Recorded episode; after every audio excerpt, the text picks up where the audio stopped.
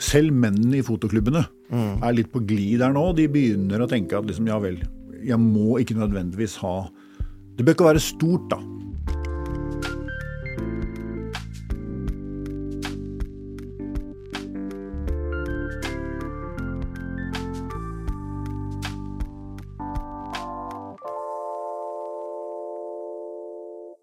Vi er på lufta med en ny episode av Fotopodden. Kjære ørevenner, kjære seere der ute. Vi har fått besøk av Morten Wold. Skal vi si igjen? Men vi skal snakke om noe annet enn sist.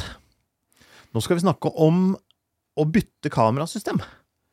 Eh, hvorfor man gjør det, hvorfor man ikke gjør det, hvordan man gjør det. Eh, tips og triks og frustrasjoner og kanskje litt filosofi rundt det hele. Velkommen, Morten. Tusen takk. Veldig hyggelig å være her igjen. Du er jo her fordi du har byttet kamerasystem. Ja, ja det har jeg. Igjen. Ja.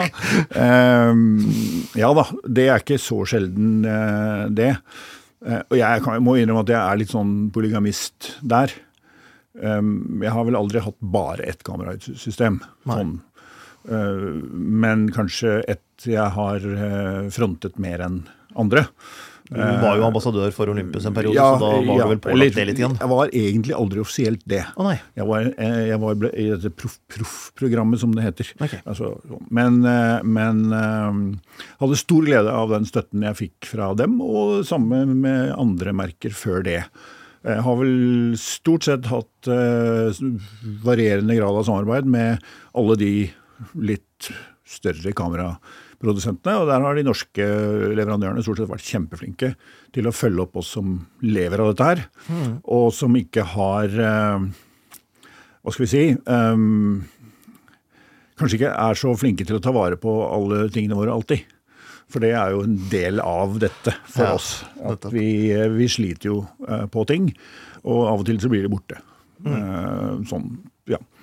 Eh, og da er det greit at noen kan få kasta noe på et fly, eller eh, Ja, ikke Ja. sant? For da, da sitter Den du i gokk, og så trenger ja. du en eh, sånn pro-service-ting. Ja, så hvis vi skal vi ikke snakke så mye om det eh, for eh, alle dine eh, seere og lyttere, men for oss så er jo det et veldig viktig aspekt av det. Mm. Og det kan være det for de som driver litt seriøst med amatørfotografi også, at du har en leverandør som det går an å ringe til og si 'hjelp, 600-en min har låst seg, og jeg er på drømmeturen til Svalbard. Hva gjør vi nå?'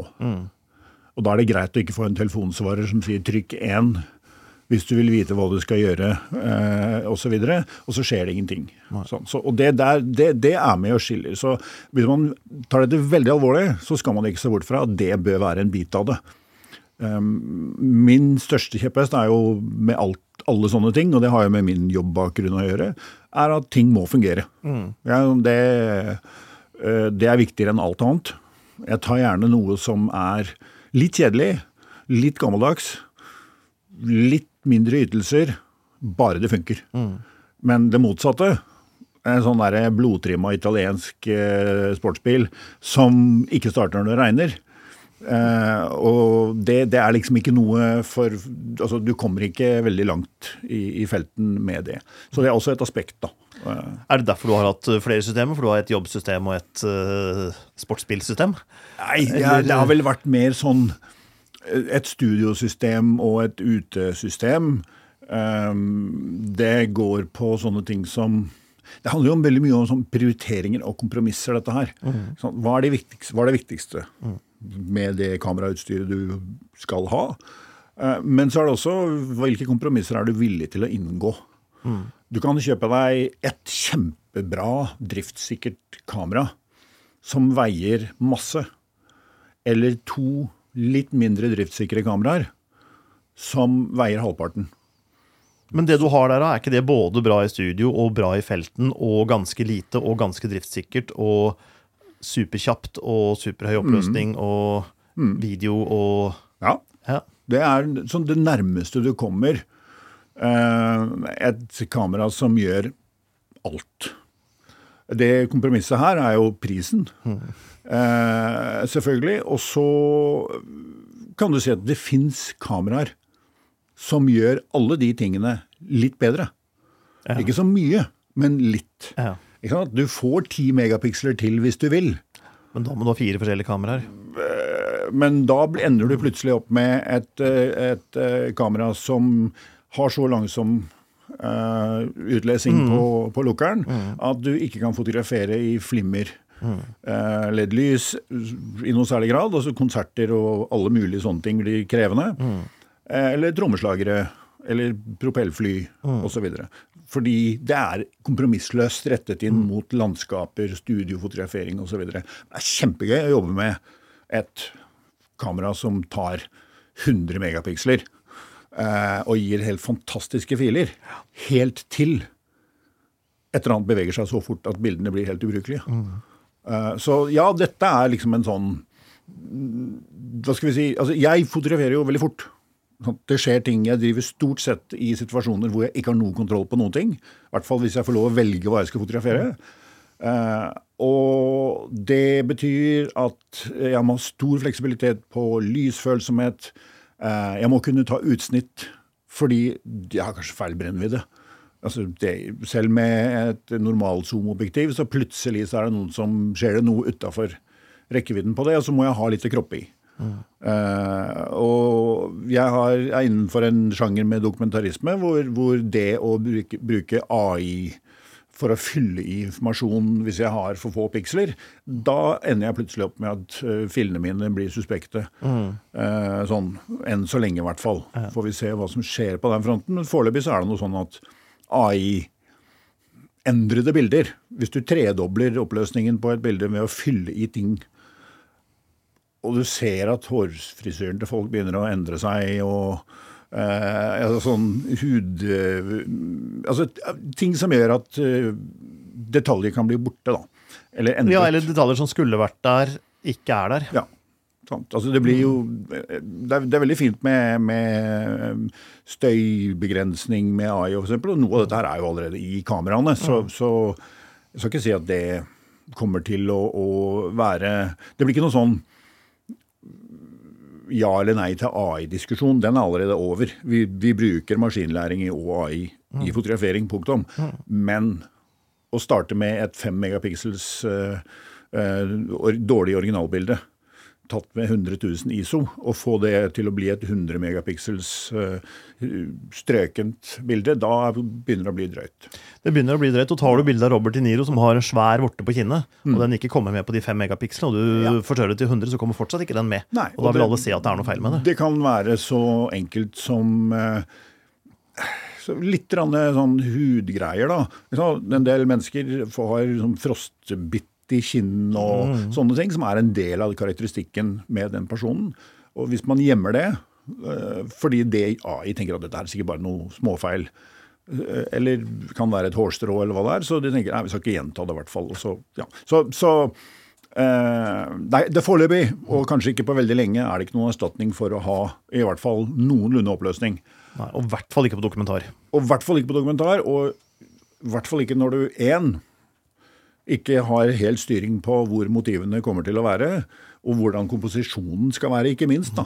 Eh, Og to, når du ikke alltid vet hva som blir sluttbruket. For det har også noe å si her.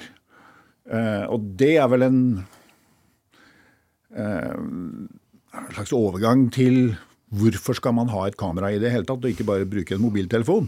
Og det har jo eh, noe med Gi et eksempel på det. Her For noen måneder siden så fotograferte jeg en ja, litt sånn fin dag i livet til eh, to mennesker som jeg kjenner og har fotografert litt. Som eh, har levd eh, ganske vanskelige liv, men dette var en bra dag ute i solen hvor eh, han eh, leste et dikt og fikk applaus, og det var en fin dag.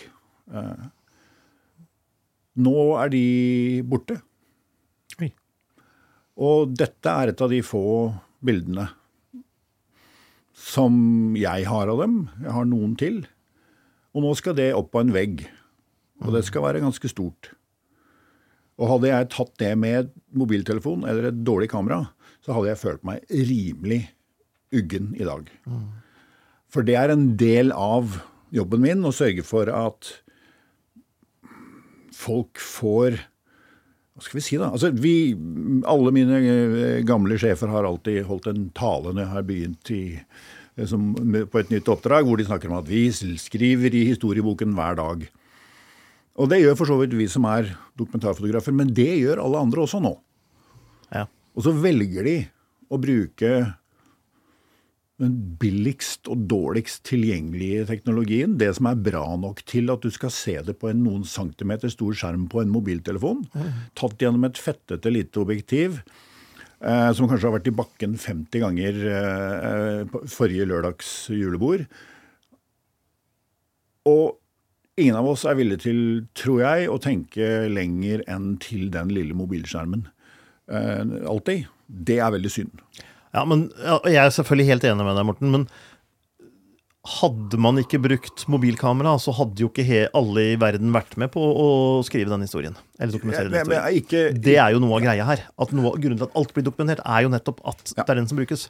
Men jeg mener at for den som legger litt mer i det Ja, hvis du bare bruker mobiltelefonkamera, og du tenker som så at dette er ferskvare, dette kommer ikke til å skal ikke tas vare på mer enn at det skal kunne ses på mobiltelefoner i et lite format og med masse digital eh, sånn forbedring.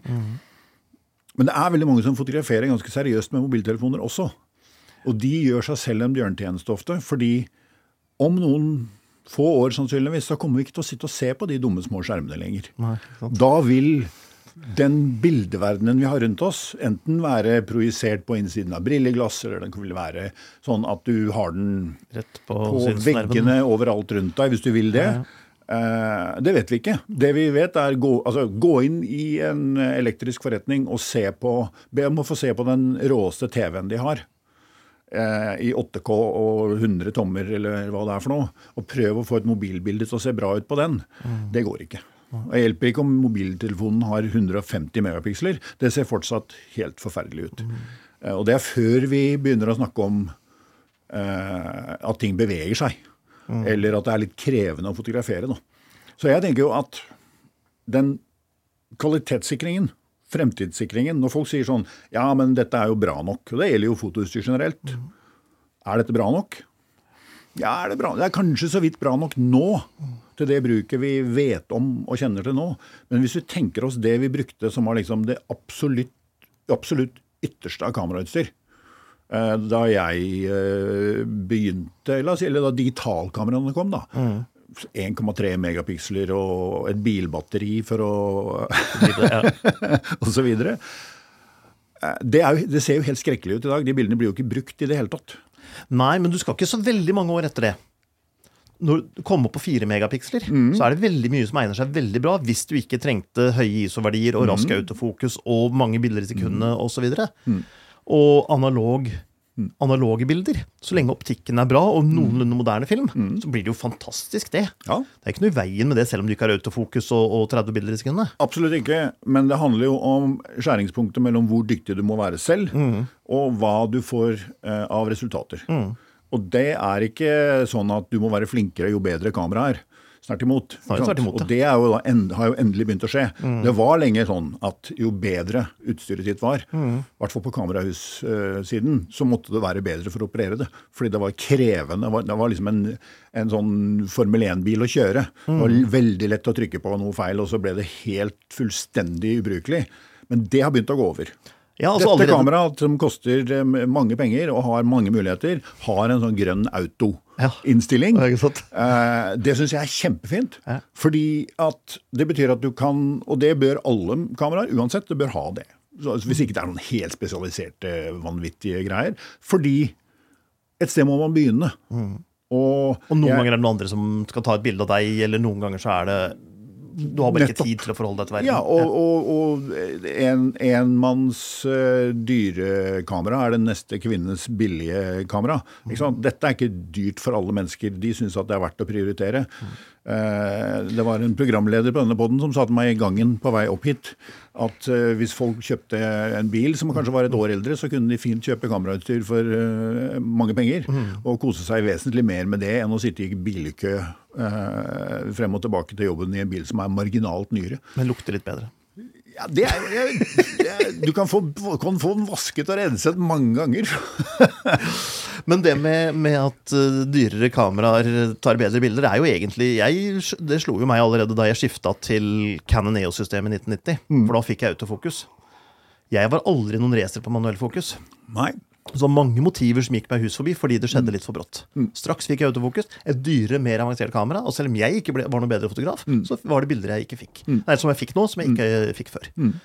Så i 33 år så har jeg benyttet meg av det trikset der. Og kjøpt uh, mer og mer avanserte kameraer som kan gjøre mer og mer ting, sånn at jeg ikke trenger å bli en bedre fotograf.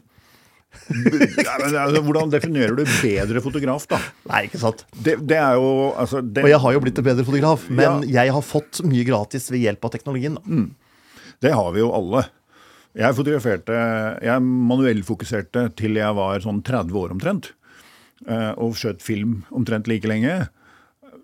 Begynte, jeg begynte jo da jeg var tenåring eh, å jobbe med kameraer. Og det er klart at i løpet av den tiden der så har jeg liksom vært av de mer konservative når det har kommet ny teknologi. Fordi jeg har ikke tatt sjansen på. Du står alene og skal dekke nobelprisseremonien. Og du har tusenvis av aviser over hele verden som skal ha dette her med en gang. Og du kan ikke bomme. Og det er kunstlysfilm på 160 ISO og lang tele og ettbeinstativ og skrekk og gru og blåfilter for å og så videre. Så er det klart at du, da setter du ikke på et kamerahus som du ikke er helt sikker på om gjør det det skal. Um, Så vi skrudde jo manuelt og skjøt film mye lenger enn det dere gjorde, tipper jeg. Ja. Fordi vi hadde, tok ikke sjansen. Eh, Jeg så jo, altså jeg sto jo ved siden av Det var jo en periode hvor, hvor vi byråfotografene var to mann på jobb. En som skjøt digitalt, og en som skjøt analogt. Fordi de digitale bildene var mye raskere ut i verden. Ja. Men originalene var så mye dårligere at de store begivenhetene risikerte man ikke å ha bare på en liten digitalfilm. Nei, ikke sant. Så, så eh, ja, så var det første jeg kan huske av sånne ting, da? Det var vel noe sånn OL og presidentinnsettelser og sånne ting, hvor vi var veldig mange av den skvisen der. Altså, vi så jo at vi var under oppløsningen på en førsteside på et magasin. Ja. Men avistrykk gikk. Men avistrykk gikk så lenge det ikke var liksom dobbeltside. Mm.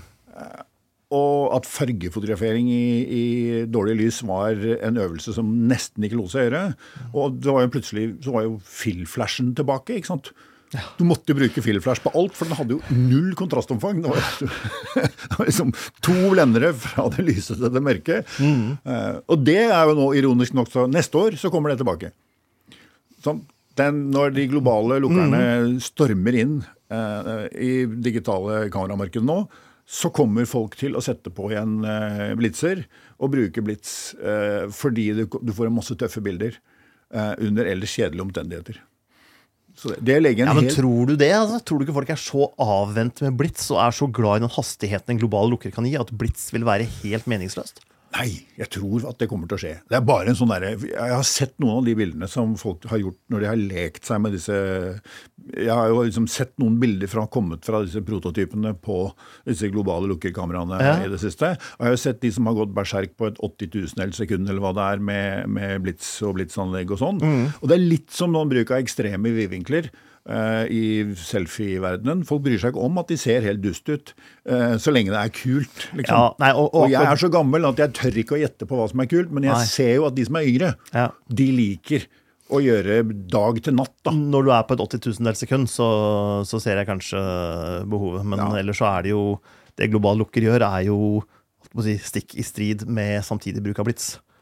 Ja. Du skal jo ha hastigheten, og du skal ha uh, unngå sånne rullende lukkerting. Mm. Men bruker du blitt, så unngår du jo stort sett det likevel. Uh, så det er Jo, liksom men det er, det er det med at du, altså, du får tatt ned eh, bakgrunnen ja, uten at du mister noe av blitslyset. ja. Og det er en sånn For de som syns at det er spennende. Ja. Og, og det er en ny effekt, da. ja. Og det er en ny effekt du kan gjøre i kamera, og det liker folk. Mm. Det, de, det kommer vi ikke unna. Det er derfor mobiltelefonen ruler overalt. Det er fordi at du får ferdige bilder som du kan sende rett i telefonen. Du slipper å finne en datamaskin og sette deg ned og klø deg i hodet og lage kaffe og alt det der før du får ferdige bilder. Det er for spesielt interesserte. Og Det, alt som kan skje i kamera, er veldig bra. Det er jeg sterk tilhenger av. Uh, bedre kamerabruk-grensesnitt, og det er jo også det. Hvis vi skal snakke om det vi skal snakke om, altså skifte system, så er det jo det som går på grensesnittet. Ikke sant? Hvordan er dette her å bruke? Alle kameraer har dårlig grensesnitt, kan tør jeg påstå, men noen er enda verre enn andre. Men er ikke det litt sånn Altså, Det klages jo hele tida over menyer, f.eks. Og da tenker jeg ja, men menyene går jeg inn i én gang. og Da setter jeg opp knappene, og så setter jeg opp den der ferdig egendefinerte menyen. Og så driter jeg resten av menyen etterpå. Det, hvor mye pes skal man lage rundt layout på en meny?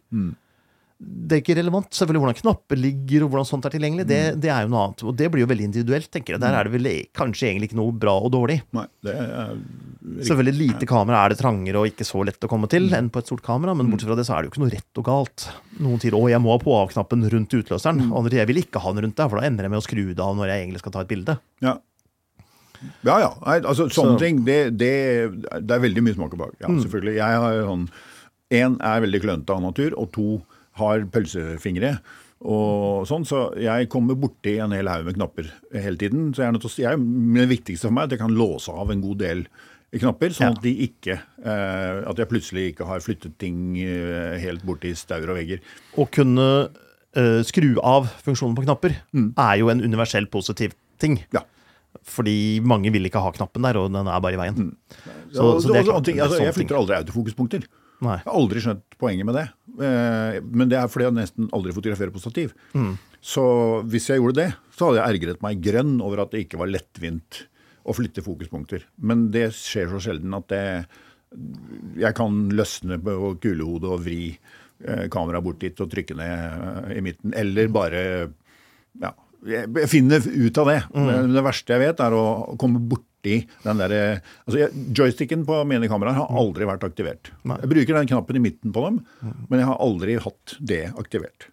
Men, noen greier seg ikke uten det i det hele tatt. Det må flytte fokuspunkter. Men du har bytta kamerasystem et dusin ganger eller der omkring. Ja, sikkert. Ja. Hvorfor? Da vi holdt på med eh, analogfotografering på eh, ja, fra liksom 1980 og oppover, som jeg har vært med eh, i gamet, så gikk det på eh, driftssikkerhet, selvfølgelig. Kjempeviktig. Og det gikk på eh, betjening av utstyret. Den gangen så var det store forskjeller i hvor bra utstyr var å bruke, og så kom det sånne store sprang. Og nå er vi før autofokus, og egentlig før auto noen ting. DX-koding. Ja. Det har jeg vel egentlig ikke prioritert så høyt noen gang. Eh, aldri tatt sjansen på at det ville funke. Eller sånn databakstykke som trykker ting på ja, ja, Nei, det har ikke vært der. Men, men eh, eh, vi, vi byttet jo På den tiden så var det liksom Nikon eller Canon som gjaldt i bransjen. Og vi byttet mellom Nikon og Canon. Eh, vi hadde Leikar hele tiden som sånn blanding av kos og diskré sånn begravelseskamera. og så eh, skiftet vi. Det var altså selv en relativt marginal forbedring. F.eks. at den ene produsenten kom med et objektiv som vi mente at vi måtte ha, og den andre ikke greide å svare fort nok med et tilsvarende objektiv. Så skiftet vi merke. Og i, må jo ikke med de to merkene der, så måtte vi da venne oss til å fokusere andre veien. Ja, for det går jo motsatt, eh, motsatt vei ja, på Nikon. det, nå i dag så fatter jeg ikke hvordan jeg greide det. Eh, Jeg har jo også dummet meg relativt kraftig ut med det en gang. I OL i 1988 så gikk jeg glipp av eh, finalen på 100-meteren. Jeg brant altså bildet av eh, Ben Johnson som satte verdensrekord på 100 meter, og vant selvfølgelig. Han ble diska da, så det var ikke så Han ble diska etterpå, men uh, det brant jeg fordi jeg skrudde feil vei. Eh, ikke, og, og, ja, det, jeg hadde én jobb. Kameraet skulle vært teipa fast på målstreken og jeg begynte å improvisere og trodde jeg hadde peiling. Og det brant, Jeg var på det motsatte merket av det alltid vanlig og skrudde feil vei. Og fikk noen bilder av tribunen bak uh, de som løp i mål.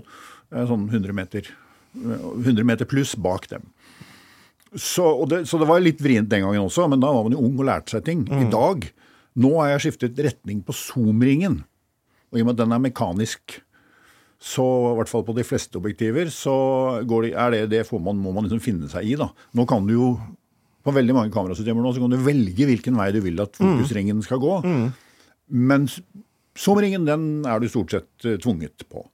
Og de første månedene etter at jeg skiftet nå sist, så zoomet jeg konsekvent feil vei. Ja. Eh, og av og til så gikk jeg glipp av bilder og ble eitrende forbanna. Eh, eller kjempefrustrert. Eller forvirret. Fordi når du holder på så lenge som meg, så gjør du ofte ting med kamera uten å se på det. Ja, det er muskelminne og ting. Ja, og det er sånne ting. Ok, nå kommer de nærmere her.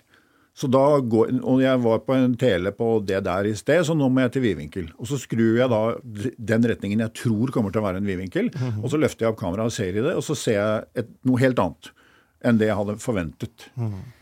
Og det kan være rimelig du føler deg, altså Det går, går utover selvtilliten å ha dårlig motorikk. Pluss at jeg er klønete i utgangspunktet. Og det hjelper jo ikke, da. Øh, Men da er det jo vanskelig å ha to kamerasystemer samtidig, da. Hvor det ene går den ene veien og det andre går den andre veien. For da får du aldri vent deg til Ja. det ene. Men det er jo litt sånn Altså, de gangene jeg har hatt eh, bruk for to helt forskjellige systemer, så har det ofte vært sånn at det ene har vært brukt under veldig sånn kontrollerte, rolige omstendigheter. Mellomformat. Eh, Den type ting. Studieopptak, arkitektur. Eh, eller sånt, eller manuell fokus. Eh, litt sånn målsøkerkameraer, kanskje. Den typen ting.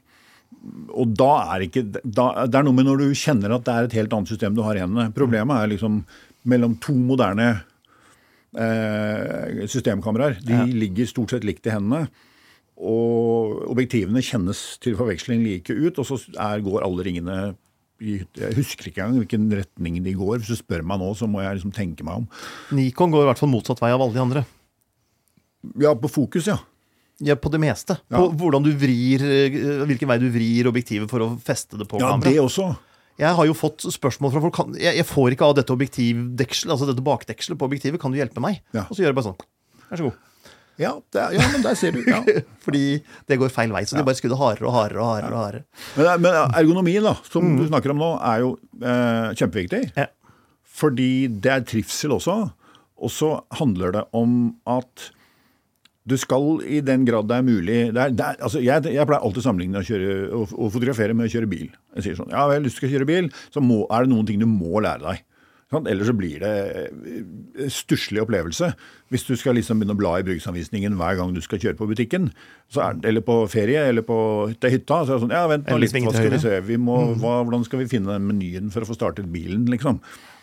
Så, og der tenker jeg at det er ikke, hvis det er ikke noe vanskeligere enn å lære å kjøre bil, og når du først kan det, så er det litt som å sykle. Og så er det de tingene som ikke er like. Og det er sånn som man kanskje etter hvert burde ha mer fokus på. At trives jeg egentlig med den måten dette eh, hvordan jeg, Måten jeg håndterer det på, da. Størrelse, vekt, hvor ting sitter. Eh, holder jeg det på en avslappet og grei måte? Og som, hele det samlebildet som sånn Ok, går jeg glipp av bilder? Er det, har jeg mange bilder som er nesten bra? Har jeg noen bilder som jeg forventet skulle kunne få til, og jeg ikke får til? Og så prøve å være ærlig med seg selv på hvorfor er det sånn? Og der er det et kjønnsskille. Menn er ikke så gode på det. Nei. Vi har en tendens til å være eh, seriemonogame når det gjelder eh, merker på ting. Noen av oss kjører eh, dårlige svenske biler hele livet, selv om de etter hvert er blitt kinesiske, eh, eller hvor de nå lages, og ramler fra hverandre eh, i hytt og pine. Eh, Andre kjører enda dårligere engelske biler. Jeg gjorde det en periode. Eh, Det var ikke noe sjakktrekk. Jeg er sikker på at Øystein Sunde har en sang om dette. Helt sikkert. Helt sikkert. Mens jenter er mye bedre på å bruke fornuft på sånne ting. De er sånn Ja, men det må jo starte. Det må jo virke. Eh, Det må jo bli bilder av det. Jeg opplever jo det når jeg er rundt i fotoklubber og sånn, at skepsisen til nye måter å gjøre ting på er mye større blant gutta med de store, svarte kameraene. Uh, Ja. det- Hvorfor er det det? Altså, De er jo en konservativ gjeng, disse fotografene. Men hvorfor er det det? Vanligvis er jo menn så teknologikåte at de hopper jo på alt som er nytt. De hopp, ja, men det, det, jeg tror det har noe med øh, Du investerer jo liksom identitet i dette her. Ja. Og så er det noe med at du skal for, kanskje altså, jeg, jeg er et dårlig eksempel på det. Fordi at jeg har skiftet kameramerke og brukt alle mulige greier i hytt og pine. Eh, Jeg hadde et franske objektiver på kameraene mine en stund, fordi at Ingeniør lagde noen helt utrolige objektiver uh, i en kort periode, som var veldig, veldig spennende. Uh, og de var de tålte motlys bedre enn det noen andre objektiver brukte. Så da, da var det sånn. Det, folk så rart på meg. De hadde firkantede solbrennere på en tidspunkt hvor alle hadde runde solbrennere. og Det var liksom nok til at folk stusset, da. Men, men eh, for jeg, jeg tror det er noe med at eh, det går prestisje i det. Sånn er det med, altså Bilmerkeanalogien er veldig relevant her. For, for da jeg kjøpte mitt da, første EOS-kamera i 1990, Ja. så hadde det autofokus. Det var jo bare tull. Det var jo ingen seriøse fotografer som brukte autofokus. Nei. Det hadde øyestyrt autofokus. Ja. Nei, for den hadde faktisk ikke det. Det var nummer etterpå som hadde Ja. Mm. det. Men, men det kom året etterpå. Eh, Den hadde en strekkodeleser, så i tillegg til bare sånn sportsprogram, landskapsprogram, eh, portrettprogram, så fulgte med en liten hefte med strekkoder. Mm. Med 18 forskjellige motivprogrammer. Så hadde du en strekkode du kunne dra over, og så programmere det inn i kamera. Og jeg fikk til og med litt program til PC-en min hvor jeg kunne definere egne sånne og programmere inn i kamera. Og det var jo aldri noe noen brukte, men dæven så kult. Og sånn har det jo vært opp gjennom hele tida. Bildestabilisator, det var jo bare tull. Ja, det, jeg husker det da den kom. Ja. Det flirte jo folk Det ble jo latterliggjort. Ja. Eh, altså de der, og de var kanskje ikke så imponerende de første forsøkene heller, men etter hvert så ble jo det eh, noe av det man konkurrerer hardest på. Eh, og nå er jo det Jeg merker det jo nå at det irriterer meg at ikke alle objektiver har optisk stabilisator som samarbeider med sensorstabilisatoren. Ja. Som igjen samarbeider helst, når du skyter video, med en digital stabilisering, fordi du har over eh, no, ekstra plass på på, frame til frame, ja. ja. Eh, det tror jeg sitter veldig langt inne fortsatt, en del sånne løsninger. Men, men det er helt riktig at, at vi Og igjen, da. Hvis så er det litt sånn menn som altså Det var det samme Autofokus var akkurat det samme. Eh, programautomatikk. Det er jo fortsatt et skjellsord eh, enkelte steder. ikke sant? Du skal helst stille inn alt manuelt, selv om du bommer på det altså, Jeg kan ikke fortelle deg nå hva lyset er her inne. Jeg ser ikke poenget med å skulle gjøre alt manuelt hvis du ikke vet at du kan gjøre det bedre enn kamera. Nei. Eh, og selvfølgelig møter du fortsatt folk som helst ikke vil ha et videofunksjon i kameraet sitt. Ja. Og jeg sier at ja, men Grunnen til at du kan ta så mange bilder i sekundene, blant annet, er jo at man har jobbet med å utvikle disse videotingene. Du hadde jo hatt et dårligere kamera til en høyere pris Mm. hvis det ikke hadde vært video i det. Fortsatt så vil de ikke ha video i kamera. Nei, men og, og, altså, den, den der, hva skal vi si, taxisjåførinnstillingen, da, med at eh, ja, men det, vi har nå alltid kjørt sånn og sånn bil, eh, så derfor så fortsetter vi med det. Og så det, og så begynner jentene å kjøre japanske biler med hybridløsninger og bruker plutselig ingen penger. I forhold til disse gutta som skal ha en svær tysk eh, utkjørt autobahnracer som har gått 500 000 i 200 km i timen, som er gråimportert, og som li- ligger i en krok på et verksted mesteparten av tiden. Eh, Ja, men, det sånn, og det er jo litt der menn er, da. Uh, litt status også, kanskje. At vi, vi når vi først har investert uh, ære i noe, så skal vi stå ved det. Men jeg, jeg tenker at det burde man, Når det er noe som er en viktig hobby eh, for mange, og som kunne vært en viktigere hobby for veldig mange av de som bruker veldig mye tid på å fotografere med mobilen, de kunne ha fått veldig mye mer glede ut av det hvis de brukte et ordentlig kamera uansett kategori, holdt jeg på å si. Så tenker jeg at den fleksibiliteten og viljen til å tilpasse verktøyet til jobben din, eller til det du liker å gjøre, å være åpen og fleksibel på det, det er kjempeviktig. For det er, det er ikke nødvendigvis store investeringer heller. Det kan være så enkelt som at du La være å kjøpe det der superfancy 2,8-objektivet og kjøper et Blender 4-objektiv isteden. Og så oppdaterer kamerahuset ditt litt oftere enn at du alltid ligger tre år etter ved, å kjøpe, ved at du ikke kjøper nye kamerahus. Fordi akkurat nå jeg har objektiver som jeg bruker daglig, som er seks-syv år gamle, og som henger fint med på autofokus, på uh, hurtig blenderstyring. De går masse, 50 bilder i sekundet. Det er liksom kjempeflott. Uh, men de er seks, syv, åtte år gamle. Mm. Plukk opp et seks, syv, åtte år gammelt kamerahus, så begynner du å merke det ganske fort at det er en god del ting som ikke fungerer så greit. Spesielt på autofokus har det skjedd veldig mye de siste Eh, seks-åtte årene. Det er ingen sammenligning i det hele tatt på treffprosenten på øyefokusering og i dårlig lys og alt dette her. Og det er jo det som gjør den store forskjellen, da. Ikke sant? Forskjellen på et objektiv til 30 000 og til 10 000 kroner, den kan du nesten aldri se. Da må du være liksom veldig opptatt av det, eller du må fotografere under veldig vanskelige forhold. Mm. Men daglig treffprosent på autofokus, det er viktig, det. For det er der ligger liksom Det kjipeste i verden er å se thumbnailen av det du tenker ah, yes. Ikke sant? Og så satt Fikk ikke det akkurat der hvor uh, den ballongen full av vann landa i huet på svigermor. Mm.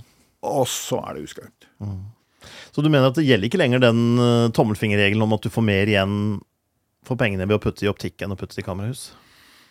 Er vi i en sånn overgangsperiode nå? Vi er i en overgangsfase nå. Ja. Det skjer så mye på kamerahusteknologi at jeg vil nok si at altså Som sagt, selv for meg da, som, som eh, uh, Jeg har sikkert uh, et annet forhold til hva ting koster, fordi de er nødt til å ha det. Og kunne sikkert ha, ha hatt bare eh, 1,4-objektiver med meg og 1,2-objektiver med meg overalt.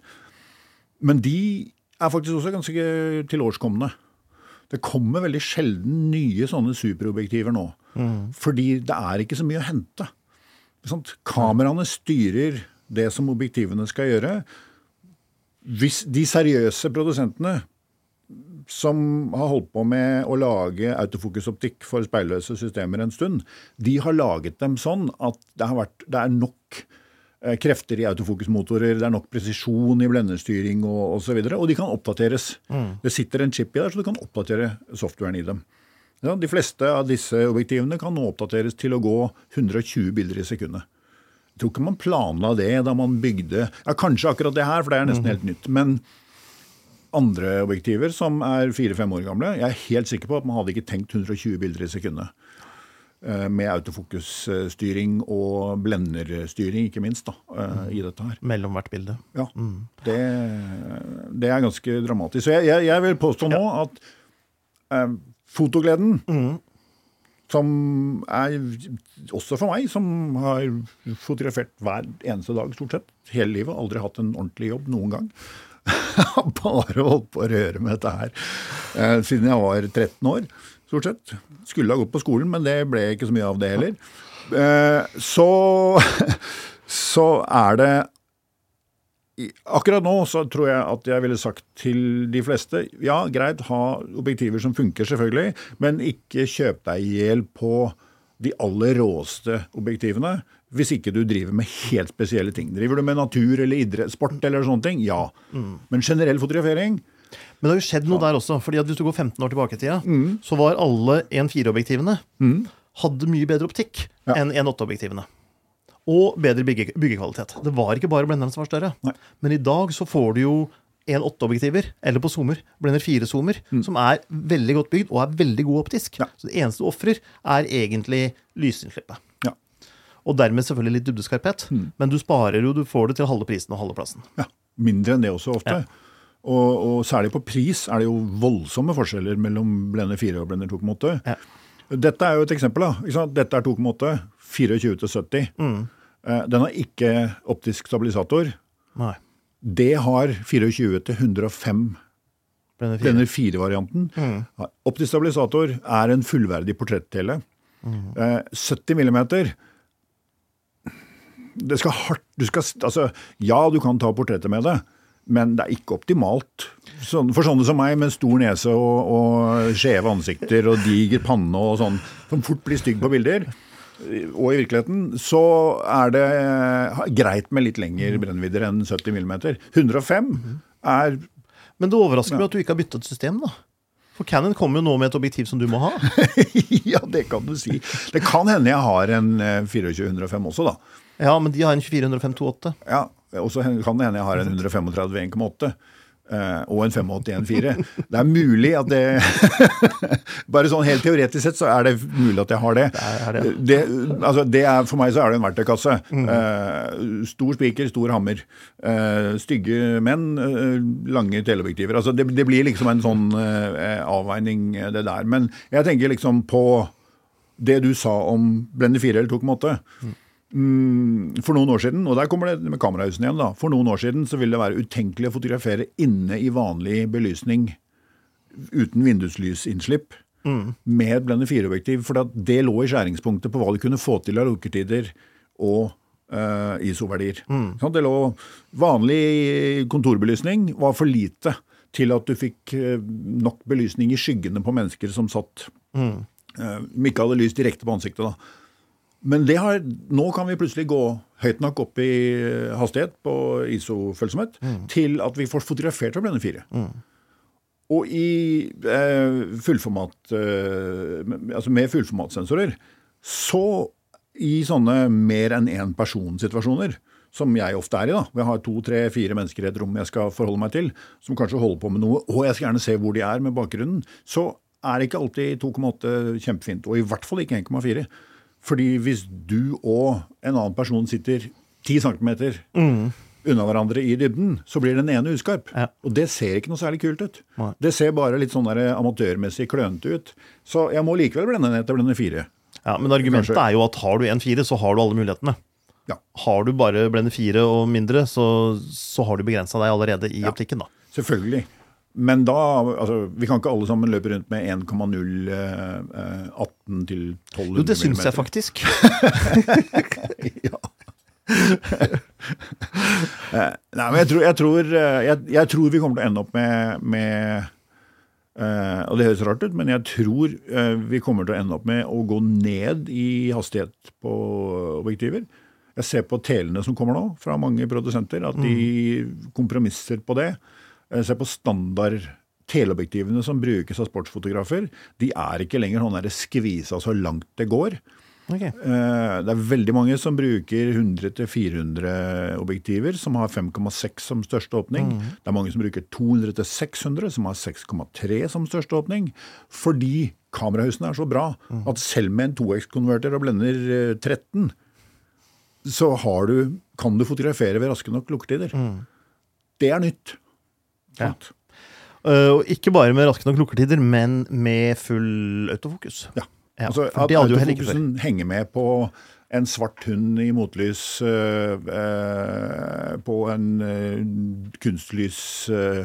ikke sant? Det, det, helt, det var helt utenkelig bare for noen få år siden. Ja, så Du hadde jo ikke mer enn Blender 8. Var det mindre Blender Blender 8, så var det ingenting. Og på på Blender 8 var det ofte bare senterpunktet, Ja. og ikke var den spesielt kjapp. Nei. Nå har du hundrevis av autofokuspunkter som henger med på langt ned i mørket. Mm. På, og, og ned i blendere som Altså Egentlig nå så tror jeg at du, de fleste av de litt mer avanserte kameraene greier å autofokusere ved blender 16 eh, uten problemer. Mm. Uten fordi problemer. det er stadig flere produsenter nå som ikke kjører full åpning på bildet du ser i Can søkeren. Canon har jo objektiver som er Blender 11 som største blender. Og Ja. de sier at de tar to ganger telekonverter. Ja. Du kan autofokusere med Blender 22. Det er riktig. Mm. Men det var, jo, sant, det var jo en tid hvor når det ble mørkt nok, Mm. så slo vi autofokusen, for den fungerte ikke lenger. Og så måtte vi basere oss på manuell fokus. Ja. Nå er autofokusen så gode at blir det mørkt nok, så klarer du ikke å fokusere manuelt. Da må du basere deg på autofokusen, for den klarer du fortsatt. altså, dette her oransje innstillingslyset har jo bare blitt en sånn unødvendig distraksjon. Ja. Det, det, det er noe av det første jeg skrur av på mine kameraer, for at det, har, det- det spiller i praksis ingen rolle. Det, er det så mørkt, så er det liksom Da, da Altså, ja. Det skjer så sjelden at eh, sånn. Men, men altså, sånne ting som at for, vel, Nøle litt, da. Sånn ordentlig. Eh, så kan du på en del eh, kameraer nå gjøre innstillinger på hvordan søker- og eh, objektivinnstillinger fungerer. På hvorvidt du vil se nedblendte bilder hele tiden. Og det vil si at autofokus og alt sammen, lysmålere, hele pakka, jobber gjennom et nedblendet objektiv så lenge du holder utløseren halvveis ned. Ja. Og det betyr at du da, bevisst så gir man da autofokussystemet vesentlig mindre lys og vesentlig mer upresist å forholde seg til, for det er mer dybdeskarphet i det lyset som kommer inn. Men likevel så fungerer det. Ikke bare på sånn topp profesjonelt utstyr, men på kameraer. Langt ned i amatørverden. Eh, og det er jo sånn så- hva skal vi si, som er kjempeviktig for at man skal ha det bra når man jobber med, med utstyret og kose seg. Og, det er, og, det, og, og det er de tingene er nye. Sant? Det er jo derfor jeg liksom sier at ja vel, du kan sette på den 2405-en som vi snakker om, da. Eh, som er glitrende, som har optisk stabilisering, som eh, er så skarp at du Ja, den oppløser mer enn de, skarp, den, de høyest oppløsende kamerahusene gjør. Og da er det jo, resten er jo bare teoretisk interessant. Ikke sant? Så lenge den er mer enn 60, eller hva det nå er, megapiksler. Så. Eh, og koster en brøkdel av et 2,8-objektiv som har mange handikap i forhold. Den er mange år gammel. Sant? Og den er fortsatt dødsbra. Men de kamerahusene som er så gamle som den, De er de er nå utklasset på alle måter. Ja. Og jeg mener ikke at man ikke skal kjøpe ett én generasjon gammelt utstyr, men hvis du vil ha glede av dette her, så kjøp heller én generasjon gammelt eh, optikk. Ikke kjøp to-versjonen hvis det finnes en én-versjon av et bra objektiv. Og så kjøp heller én generasjon nyere kamerahus. Fordi to generasjoner gamle kamerahus, da er vi fort på seks år, kanskje mer. Og da har det skjedd noe. Ja. Og der, da har det skjedd noe som gjør at du får ikke så bra bilder. Fordi det har, hele fjøla har lettet seg. Og nå ser vi det mest på autofokus. eh, akkurat nå er det der. Autofokus og skuddtakt er det veldig mye på. Mm.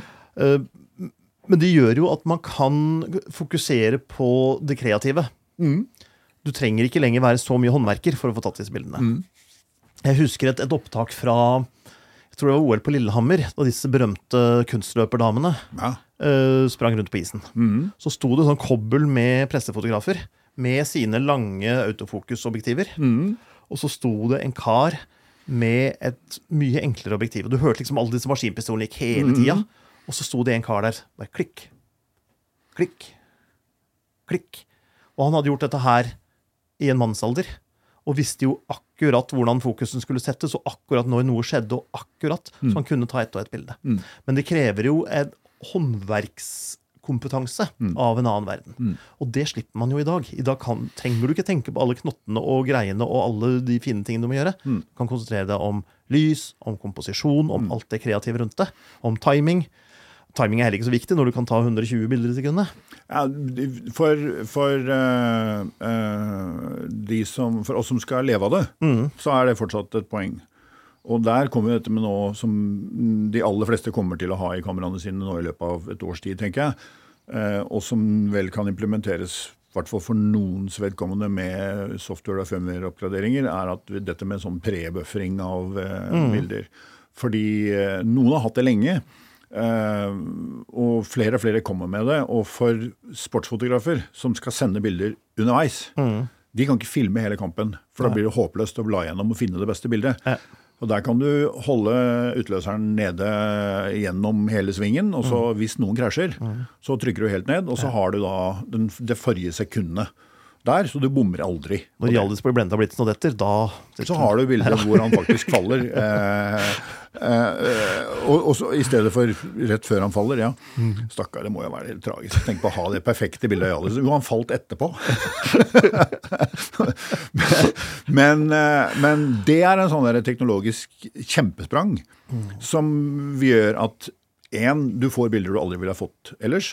Og to, du slipper eh, å bla gjennom altså Tenk deg hvis du skyter Nå kommer det et kamera som tar 120 bilder i sekundet med full fokus og alt sammen. Men tenk deg da hvis du har tre sekunder av en sekvens hvor det avgjørende målet scores med 360 filer. og du skal bla gjennom det på en eller annen måte og finne ut hvilket bilde som er best. Og så blir du sittende igjen med 20 filer hvor det er marginale forskjeller på hvor hender og armer og bein og baller og alt, mål og ansiktsuttrykk og sånn. Så skal du bestemme deg, så har du en redaktør på øret som skriker ja, send et bilde, da! Send et bilde, da! send et bilde. Og så, Jeg har fire stykker som ikke, som er kjempebra, men de er litt forskjellige. Du kan ikke sende alle fire. Sånn, du, du må eh, bli ferdig. Jeg, jeg ser den. Det som overrasker meg, er at den funksjonen der ikke har kommet enda mye før den kom. Jeg, Dette er litt sånn ja, dette er jo, Noen har jo hatt dette her i mange år. ja, men jeg kjøpte et videokamera. Et, et amatør-videokamera da barna mine skulle bli født, i 2007. Mm. Ja. Og det hadde den funksjonen. Det stemmer. Og så kom det på vanlig stillkamera. Det var kanskje Olympus som hadde det først. Det var i hvert fall Micro Four Thirds eh, Ganske mange ja, år senere. Ja, ja. Uh, Videokamera har hatt uh, eh, altså Så fort videokameraene ble digitale og begynte å bruke minnekort, mm. så var det, dette noe av det første man eh, eh, implementerte i en del proffutstyr. Fordi det var så ofte sånn at man kunne jo ikke bare la teipen gå. Altså, fylle, Et minnekort ble jo fylt opp sånn. Ja. Med full, øh, full video, profesjonell videooppløsning. Det er ganske mye data. Mm. Eh, og de minnekortene den gangen det var jo der begrensningen lå. Mm. Og derfor så måtte man ha en, en måte å ikke gå glipp av det når det skjedde noe. Mm. Og video Det er jo enda viktigere eh, for video at de faktisk hører og ser smellet. Ja. For oss stillsfotografer så er en eksplosjon litt røyk og en flamme, kanskje. Men på TV Ja. eh, så er det veldig viktigere, mye viktigere enn det. Det er klart, og jeg skjønner at det er vanskelig på et speilreflekskamera, Mm. men vi har jo hatt speilløse kameraer med buffer Ja. Siden 2008. Det er 15 år. Ja. Og ja, Sony kommer vel med det nå omtrent. Og, det er, og dette er ingen tvil om at dette er software. Mm. Dette, dette er jo ikke noe krevende å gjøre med de ytelsene som er i noen av disse Noe avansert teknologi og ingenting. Det er bare en annen måte å tenke på. Og så tror jeg Der er produsentene veldig forskjellige på hvor redde de er for å komme med nye, rare ting i kameraene. Noen tror at jo mer profesjonelt et kamera er, jo færre funksjoner skal det ha. Utover liksom at du må kunne tune autofokusen i 500 for, for variabler. Men du må ikke finne på å in, altså, inkludere noe som ingen har hørt om før. Sånn, en ny funksjon. Nei det er mange som prøver en ny funksjon i et litt lavere Ja. Mm. segment. Først for å se om det slår an, og om det fungerer som det skal. Mm. Og det skjønner jeg jo. Men det bør jo være toppspekka. Det dyreste kameraet, syns jeg. Ja, Det er definisjonen på toppbekka. Hvis, jeg vil jo også si at hvis det begynner å gå utover brukergrensesnittet, at det kommer i veien for det, mm. så irriterer det meg kraftig. Uh, altså, sånn, vi kan ta det drøyeste eksempelet. da, er Når det begynner å gå utover uh, ja, Hvis det begynner med innebygde blitser, da, hvor du har en bit av kamera som kjører 20 000 volt uh, gjennom seg, og som ikke er ordentlig vannsikra. Det er ikke noe bra uh, ting nødvendigvis.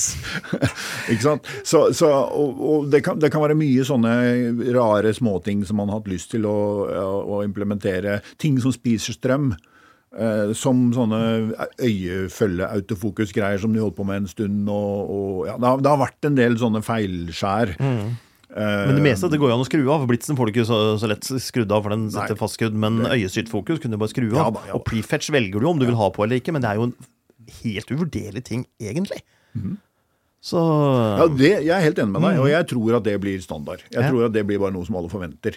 Eh, Nå, nå, kommer, nå setter jo de eh, eh, kameraene som kommer nå, setter nye standarder for fart, liksom. Nå er det flere kamerahus på gang fra flere produsenter som er sånn Nå er det akkurat den derre magiske sports- og fugler som hopper av gårde og alt dette her, som nå skal det liksom temmes.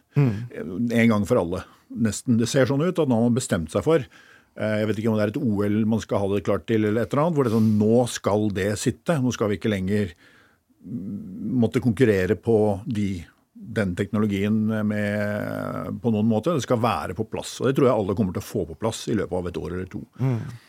Men det er jo fortsatt langt frem på andre områder, da. Jeg har brukt en stund et kamerasystem hvor jeg måtte ha to, bruke to hender for å få skrudd kameraet av eller på. ja. Det er jo barnslig, latterlig at ikke det går an å endre på. Og så sier de jo om du kan flytte av på til en annen knapp. Mm. Men da mister jeg en knapp som sitter sånn sentralt, som jeg ville ha brukt til noe annet. Så alle de der tingene Men du holder ikke den andre du- hånda under objektivet likevel? Altså du har eh, av og på-knappen? jeg måtte skifte Jeg nådde ikke den sånn, Flytter du det, det blir bare sånn Mm. av anakronisme, da. Sånt? Og der er det jo den der krigen mellom ingeniører og designere hele tiden. Hvor designerne vil jo gjerne at det skal være Så hvorfor har vi, hvorfor har vi den speilreflekshumpen? Det er jo kanskje noe av det merkeligste. Jeg har stor nese. Sant? Hvis jeg hadde hatt søkeren i hjørnet her, som målsøkerkamera, eller et fornuftig ja, Som en A7C eller CR har, da, så har jeg plass til nesa ved siden av. Og jeg kan bruke, det er mye bedre plass bak på kamera. Jeg har en helt overflat på toppen av kamera. Du kan sette ting og tang hvor du vil oppå der. Plass til et display hvis du vil ha det. Det er masse greier. Men nei da. Vi skal ha en hump. Ja, men det er jeg helt for. Ja, det Og, og det, det er helt irrelevant, men jeg, kanskje flere er som meg, at det ser ikke ut som et ordentlig kamera hvis de ikke har pukkel. Nei. Nei, jeg ville aldri hatt et kamera med søkeren der nede ute på sida. Kan ikke Ja, ja. bruke en A7C eller en, eh, eller en Fuji X100V, jeg. Men i hvert fall flytt den kuppelen Kuppelen Flytt kuppelen. Flytt pukkelen. Eh, pukkelen. Ut, helt ut på venstresida, da. Ja, ja det kan være. De, noen av de aller første digitalkameraene hadde det. Da man skilte eh, Når det ikke lenger var nødvendig å ha plass til en filmrull på venstre side. Men her later man jo som det er at vi trenger den plassen her eh, til noe. Og det tenker jeg sånn Ja, men eh. Så, og, og noen andre sånne ting. Akkurat det er kanskje det som er eh, særest. Da. Den, kommer til, den, den kommer vi til å ha lenge. Men vi er jo litt tilbake til at fotografer er konservative. For vi vet hvordan et kamera er, og sånn skal det være. For sånn har det alltid vært. Ja. Så Jeg er jeg, jeg uh, pukkelen skal være der, og den skal være på midten. Og sånn er det. Ja.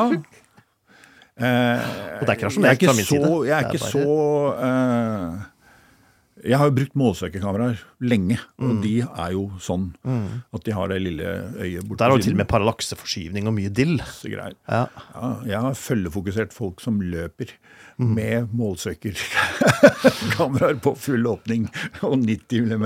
Det er en øvelse i seg selv, skal jeg si deg. Eh, Men eh, eh, det blir også veldig sært, da. Å, å jobbe med kameraer som er bevisst sånn. Eh, Og det er jo for så vidt en, en lang annen diskusjon, men vi gjør jo, jeg også går jo av og til ut og fotograferer med kameraer som er morsomme å fotografere med, men som ikke er hensiktsmessige. Men det er det ikke bedre at søkeren er på midten? Er Panorering og sånne ting, sånn at det ikke blir en forskyvning på aksene her? Nå er det vel strengt tatt ingen, ikke noe grunn til at objektivet skal sitte midt på heller. Nei, nei, det kan du jo selvfølgelig si. Så ja, flytt alt sammen, du. Så da ligger det bedre i hånda. Ja. Og det er litt Eh, plass mellom grep og objektivet. Mye sånn bedre plass der. enkelte Du kameraer mangler. Ja, og det, du kan sette knapper som du kan bruke med den hånden som alltid Mm. er på kamera. Uh, og det har jo I første generasjon av digitale kameraer så var det flere kameraer som hadde den fasongen. Ja. Men det blir borte igjen. Ja. Fordi Jeg vet Fordi ikke. folk- De som lagde kameraer som så ut som de gamle filmkameraene, de vant konkurransen om markedet. Den gangen så trodde man ja, men da må det være sånn. Eh, og det var designerne som vant den gangen, og så håper jeg at ingeniørene vinner i fremtiden. da. Men, men når du nå bytter system, vi skal til, helt konkret uh, Rent bortsett fra at du bytter til et system hvor uh, fokus og zooming går motsatt vei. Ikke Hva- fokus. Ikke Bare fokus, zoom. bare zoomen. Ok, whatever. Men eh, hvilke andre utfordringer er det? Du vil jo helt sikkert savne noen funksjoner, eller savne noen objektiver, eller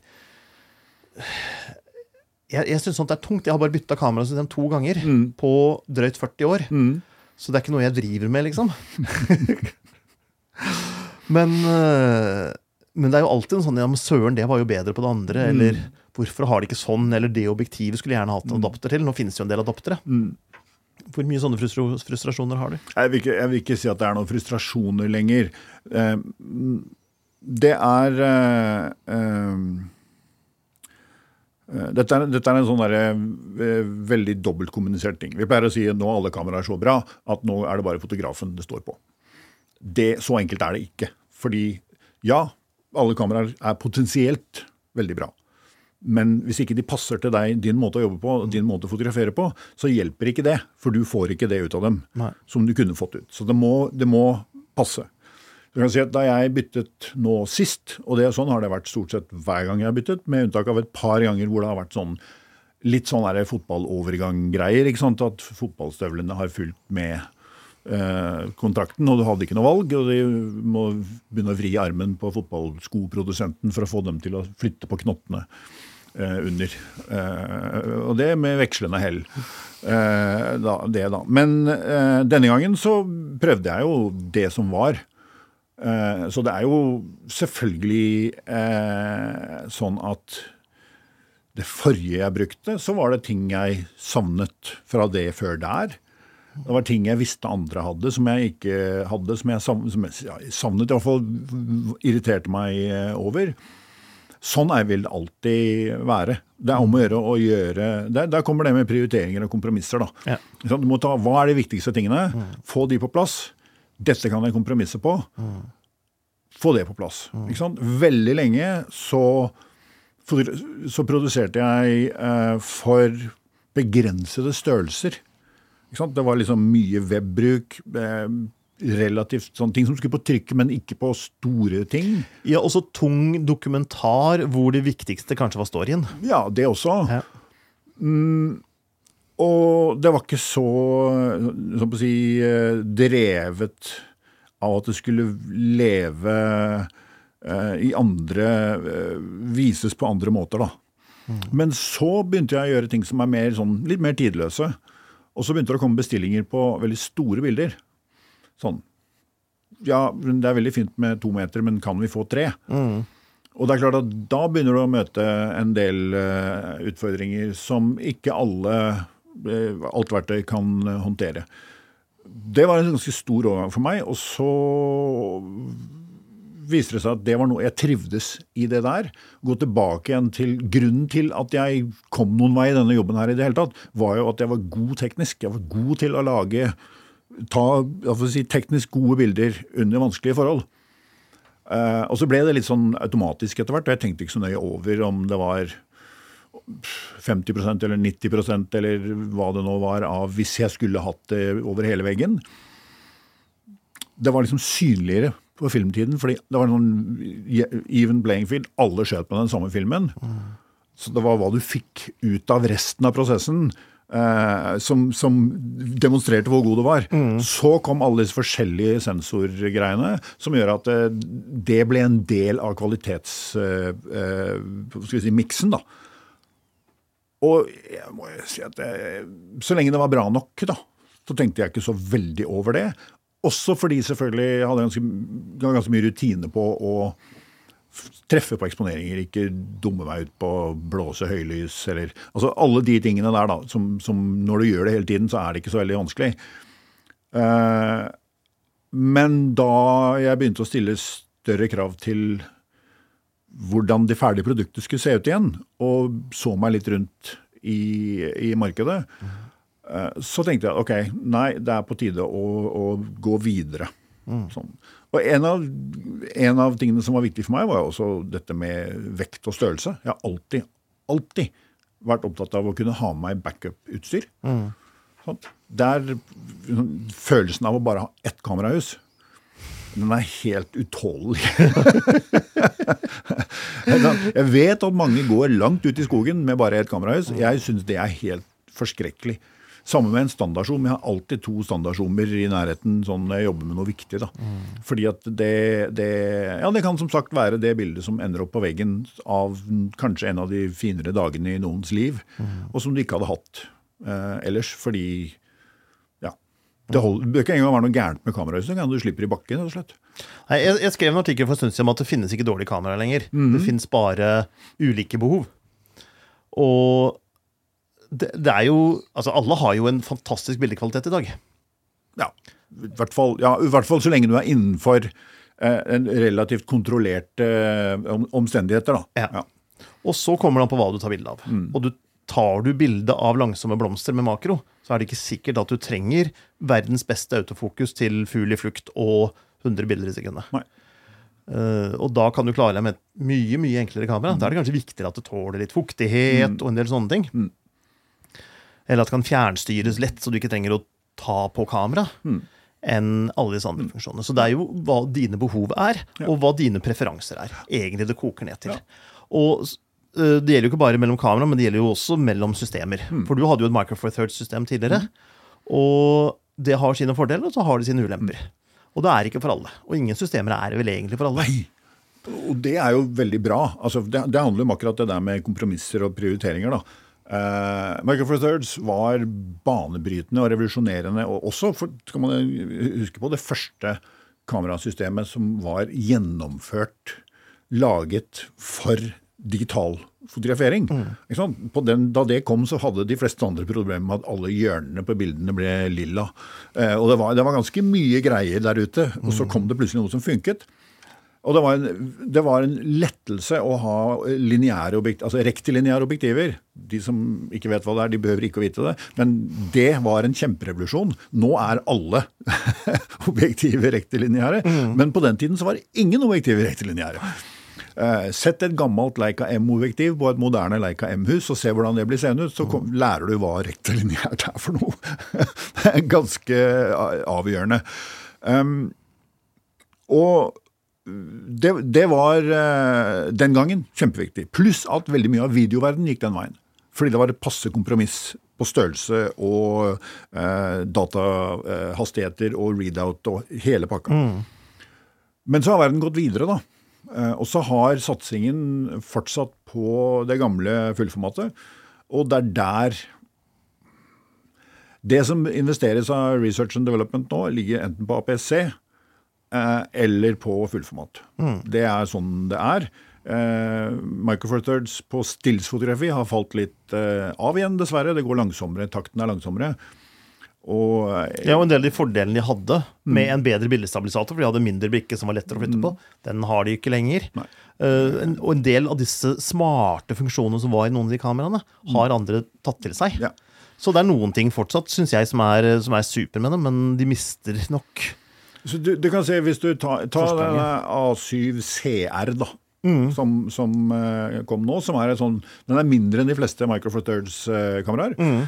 det oppløser, oppløser 60 megapiksler. Ja, det har langsom utlesing av, eh, av sensoren. Og ja, det er en litt del, større objektiver, da. eh, sånn, ja, hvis du skal ha den samme lysstyrken, men hvis du er i den kategorien som fotograferer med det kameraet, og kompromisser på alle de andre tingene, men du vil ha bildekvaliteten, så kan du sannsynligvis leve med et superskarpt 1,8-objektiv i stedet for et eh, marginalt skarpere 1,4-objektiv, og redusere størrelsen av vekten med 50 lett. da.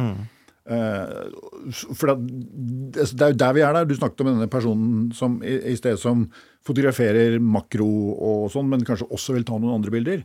Det bitte lille kameraet har et helt rått autofokussystem likevel. Eh, og, og det er jo ganske spennende, da, at det, det software-messige her, og det sensormessige, det putter man inn i bitte små eh, smarte løsninger. Og så handler det da om å få folk til å være fornuftige med objektivvalgene, og ikke nødvendigvis sette på et digert beist av et objektiv, når det i praksis ikke betyr så veldig mye. Når du kan gå opp i ISO eller eh, hva hva er for å kompensere for den ene blenderen eh, osv. Så, videre. så så Og det, det opplever jeg at der er, der er selv mennene i fotoklubbene er litt på glid der nå. De begynner å tenke at liksom, ja vel, jeg må ikke nødvendigvis ha Det bør ikke være stort, da. Nei, der går jo verden litt l- Ja. lenger vekk. Vi så, jo, vi så jo i mange år at de som hadde De som tok bilde av dem som betalte, Mm. de måtte ha store kameraer. Ja. Men de som tok bilde av andre ting enn de som betalte, Ja. de kunne godt ha små kameraer. Ja, men det det er- altså, det er i noen grad riktig fortsatt, det. Jeg har sjelden på altså det vertikale grepet på disse kameraene.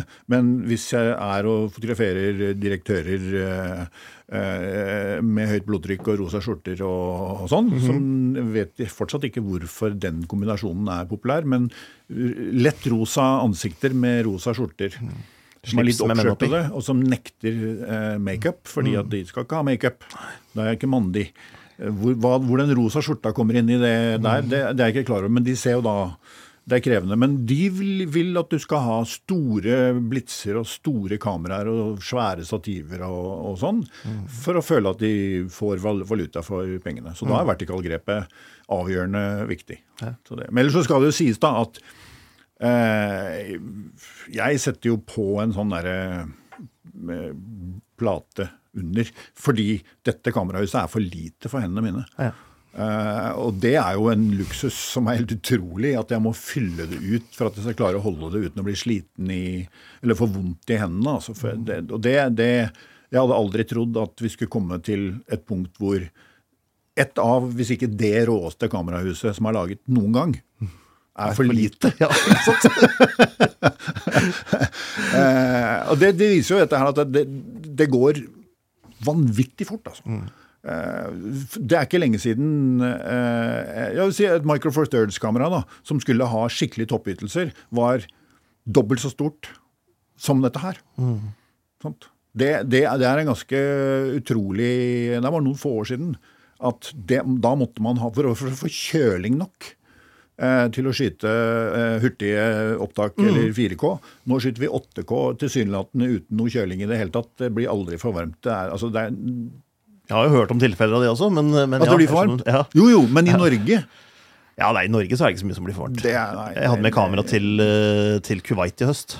Ja. Jeg trengte ikke å gjøre annet enn å skru det på jeg, før det advarte om at det var i ferd med å bli for varmt. Det er jo eh, 45 grader i skyggen og litt Ja, stidig sola ja, da, så er det fort gjort, altså. Ja. Men eh, å bytte kamerasystem er jo for veldig mange kanskje først og fremst et spørsmål om kostnad. Ja. For enten du har det som jobb om å tigge sjefen om 100 000 nye kroner, eller du skal betale for det sjøl. Så så lenge du ikke er, eh, har et godt nedbetalt hus og noen godt nedbetalte barn og penger på bok og vunnet i Lotto litt flere ganger enn du, vi syns du burde, vi andre, så er det jo en kjempeinvestering. Ja, de, de, ja eh, hvis du ser på det helt isolert, så kan det være det. Men igjen, da, så er det hvis du oppdaterer mobiltelefonen din litt sjeldnere og fotograferer mindre med den, så sparer du fort ganske mange tusen i året bare på det. Hvis du har én generasjon gammel mobiltelefon, så er det faktisk en god del tusen kroner i løpet av ti år. Eh, hvis du ikke bytter hver gang det kommer en ny mm, mobil. Det er nå ett aspekt. Og da, igjen, da. Prioriteringer og, og kompromisser. Nå begynner det å bli greit for folk å kjøpe brukt utstyr. Det syns jeg er utrolig positivt. Eh, fordi det finnes massevis av eh, kamerautstyr som bare ligger rundt omkring, og som folk ikke gidder å bytte inn. Dere har blitt kjempeflinke på å ta det seriøst når folk kommer med brukt utstyr og vil bytte det inn. Det er eh, avgjørende viktig, for det er altså, butikkene som gjør at det fungerer. Eh, fordi de aller fleste, selv om, ja, Finn og sånn, men det er liksom en liten klikk av mennesker som driver og handler kamerautstyr og selger Ja, Og så er du litt kamerautstyr usikker på om du blir lurt, og det er en del sånne ting. Og har du et selskap, så får du ikke trukket fra noe moms hvis du kjøper på Finn, osv. Jeg ville ikke kjøpt et kamerahus til 50 000 kroner av en person jeg ikke kjenner, eh, og så tatt det med et eller annet sted og håpet at det funket som det skulle. Jeg ville alltid tenkt hvorfor har denne vedkommende personen solgt dette kameraet så billig på Finn? eh, altså det, det, objektiver er, kanskje kommer an på typen og hvor viktig det var og sånn. Men å komme hit og, og kjøpe eh, brukt utstyr, det syns jeg er Jeg har gjort det selv. Altså, det, mye av det jeg har i bagen, er kjøpt brukt eh, her. En av prinsipp. Jeg syns det er trist at vi skal ha noe mer forbruk som fotografer enn en det som er nødvendig, selvfølgelig. Men også fordi at det, eh, det er jo, Mye av det er jo ikke nytt. Altså, Det, er jo, det finnes jo fordi det har blitt produsert i, i mange år. Mm, så det, det er én greie. Og så tror jeg den der med å hvis du, hvis du tenker ok, gå én generasjon ned, og kanskje ett et hakk ned fra den absolutte toppmodellen, både på kamerahus og objektiver, når du gjør den store investeringen, sånn at du er i gang. Og ikke la det bli for gammelt, sånn at det blir et kjempebyks neste, ved neste runde. Tenk på at objektivene skal leve en stund. Vær litt konservativ. Ikke kjøp eh, sånn maksspekkede, superlyssterke objektiver som har større sjanse for Det er flere feil på de objektivene som er helt rå. For det er masse glassvekt i dem, og er, de tåler ikke så mye. og ja, Det er mye vanskeligere å konstruere dem. Gå et hakk ned. Eh, sjekk litt med Les, tester. Hør med folk som bruker kameraene. Eh, ikke spør meg bare om hva jeg bruker, men spør meg om hvorfor jeg bruker det, og spør meg om hvordan jeg bruker det. Og Hvis det er helt fremmed for deg, så er ikke det relevant, men hvis det rimer med dine behov, så er det relevant. Mm. Men det er ikke så interessant at, å bare spørre meg hva bruker du, og jeg sier et merkenavn og noen objektiver og kamerahus. Det blir som å spørre meg hvilken bil jeg kjører. Altså, det er jo grunnen til at jeg kjører den bilen som er vesentlig mm. for at du skal kunne ta et valg ut fra det. Men jeg tror at akkurat det med pengene jeg tror Uh, gå inn på sånne uh, løsninger hvor du i fotoklubber er det mange steder hvor man kjøper inn felles uh, lange teleobjektiver, den type ting. Det burde man være enda flinkere til. studenter, som, de som fotograferer og studerer foto f.eks., burde gjøre det i mye større grad. Du trenger ikke å eie alt utstyret ditt. Nei. Nei, og vi leier jo ut også. Ja. Så er det noen dyre ting du trenger av og til, så går jo det an å få leid. Ja.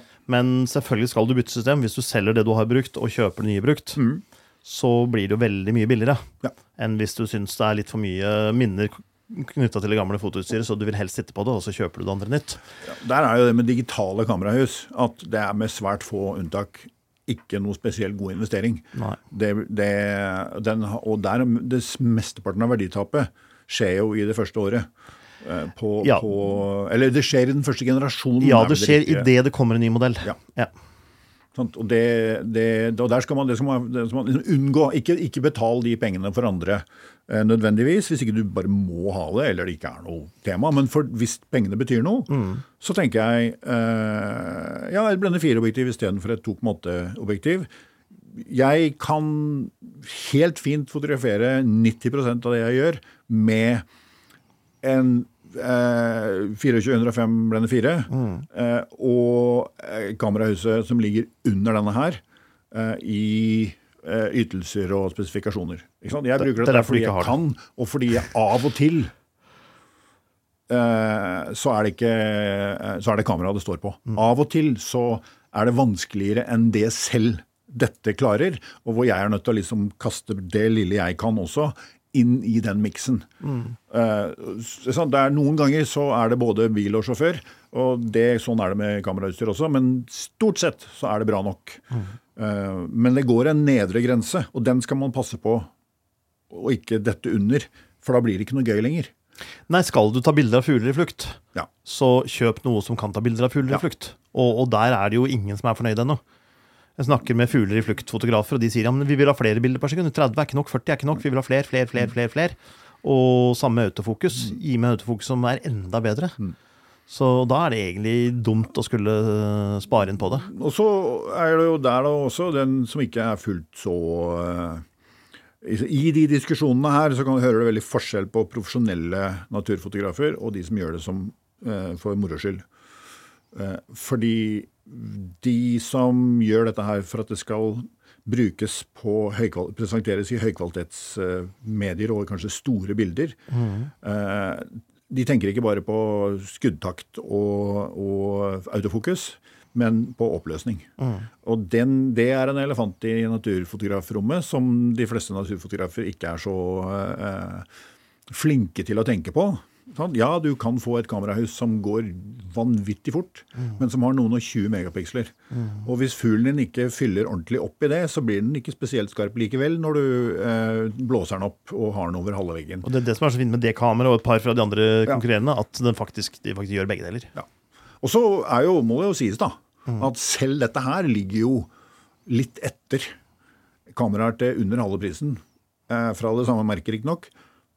Når det gjelder de mest fancy autofokusløsningene. Det har vel noe med prosessorkraft og at det ikke er et helt nytt kamera lenger? Prosessorkraften er nok der, okay. jeg. men jeg tror det mer det går på software-implementering. Eh, okay. Og så Hvorvidt det er mulig eller ikke, det vet jeg ikke. Men det er, det er helt klart at eh, hvis du sammenligner denne her med en, en A7R5, så har A7R5 en mer avansert autofokusløsninger. Mm. Ja. Det går nok ikke så fort, men det er mer greier der. Det er Mm. morsommere å jobbe med hvis du ikke er helt avhengig av at den skal treffe alltid. Uansett uh, lysforhold. Da. Så der, der er det jo igjen da, et sånt kompromiss som heldigvis de fleste som fotograferer for moro skyld, de slipper å forholde seg til det. Så mm. lenge det ikke er under den derre bra nok-biten. Og så hører det jo med her, da. Det går an å kjøpe katta i sekken.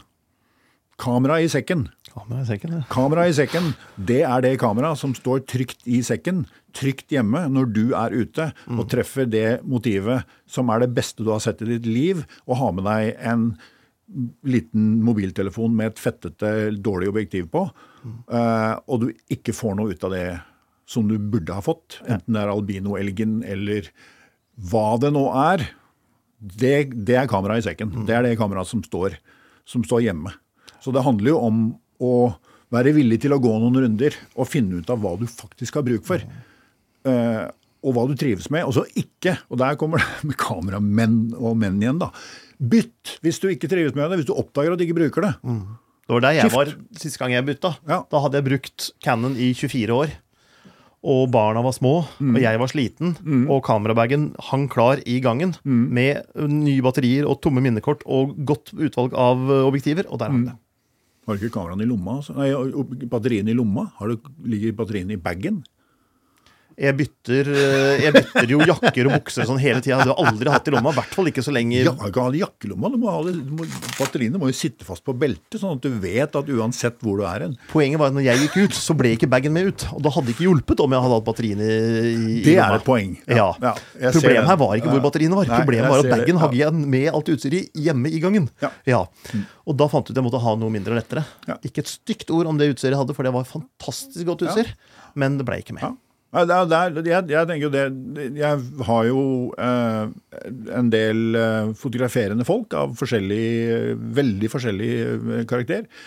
Som eh, jeg har fulgt i mange år. og, og som viser meg litt bilder, og vi snakker litt og ja, prøver å hjelpe dem med det lille jeg kan. Og jeg ser jo de prosessene med dette med identitet og utstyr og behov og sånn, og hvor langt inne det sitter. Og innrømme at nei, det blir nok ikke alltid med ut. Fordi jeg syns ikke det blir bra nok bilder, eller jeg syns det er vanskelig å ta bilder av de tingene jeg liker å ta bilde av, eller det, det er, stort og tungt, mm. eller det Altså, det kan være mange ja, Det er folk som sier ja, jeg har det fantastiske kameraet, men jeg tør ikke ta det med til byen, for jeg er redd for at jeg skal bli stolt. Ja. Den er det også. Forsikrede. Så, ja. Det, det, altså, i det, hele tatt, det er jo veldig mange små ting mm. som gjør stor forskjell. Eh, spandere et ekstra batteri har veldig mye med, med kamera, fotoglede å gjøre. Ja. Og du ikke behøver å tenke på det. Kjøp et stort nok minnekort, eller kanskje ett til. Så du ikke behøver å liksom holde på med sånne småirritasjoner. Mm. Bæresystemer. Sånn, det fins ingen kameraprodusenter som leverer ordentlige bæresystemer eller objektivfutteraler til, eh, til, utstyret sitt. Ingenting. Ingen. Det er, altså, det er skrot uten unntak. Eh, og det har jo veldig mye da, med den der 'skal jeg ta det med eller ikke'-biten. Eh, jeg følte meg jo litt som en sånn litt quisling da jeg bytta kamerasystem. Da. Eh, altså, hadde, jeg vært, hadde jeg vært trofast i 24 år, og plutselig så skal jeg gå til det andre merket, liksom. Mm -hmm. Eller det var kanskje det tredje eller fjerde merket, til og med. Ja.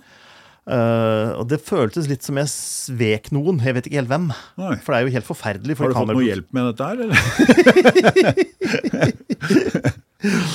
Nei, men det er, jo, det er, jo, merkelig fordi at kameraprodusentene er store internasjonale selskap hvis eneste mål er å tjene mest mulig penger til aksjonærene. Mm. De har jo ikke noe annet mål. Mm. Så at man skal føle at man gjør noe feil ved å ditche dem, det er jo helt meningsløst. Men, men du, du, det blir sånn Jeg var Cannon-mann. Mm. Og identifiserte meg som en Cannon-mann. Ja, og når jeg da ikke ja, lenger skulle være ja. Cannon-mann, hva var jeg da? Mm. Og, og, den er litt vanskelig. Og det fantes jo særlig før, jeg har ikke merka så mye de siste åra, men sånn fanboys. Ja, ja, ja. Jeg husker da jeg drev og testa mye kameraer. Hvis jeg skrev noe negativt om jeg kan godt nevne merker her, for det er, det er så lenge siden. Hvis jeg skrev noe mm. negativt om et Nikon-kamera, mm. så fikk jeg enormt mye kjeft. Mm. Og jeg prøvde noen ganger å si ja, men er det ikke fint at jeg påpeker det som kan forbedres, sånn at de mm. kanskje kan se det og gjøre noe med det? Mm. Nei, det skulle jeg altså frabedt at jeg skrev noe mm. negativt om kameramerket deres. For når du ser en reklame, for eksempel, så er det ikke reklame for kamera, det er jo reklame for en livsstil. Ja. Og når du da investerer i det kameraet, så investerer du i den livsstilen. Og kritiserer du kameraet deres, så kritiserer du også livsstilen deres. Og det blir personlig. Ja, Og, helt klart. Og det gjør jo at, at kamera blir veldig personlig. Mm. Og selv om den store hva er best av Canon Nikon-diskusjonen er over, så er det fortsatt nei, jeg bruker Sony, eller bruker du Sony, det er Leica er det eneste Mm. som gjelder, eller noe sånt noe. Og så er det egentlig ikke noe mer enn at du ønsker å tilhøre en gruppe. Mm. Og sånn er det kanskje med biler også.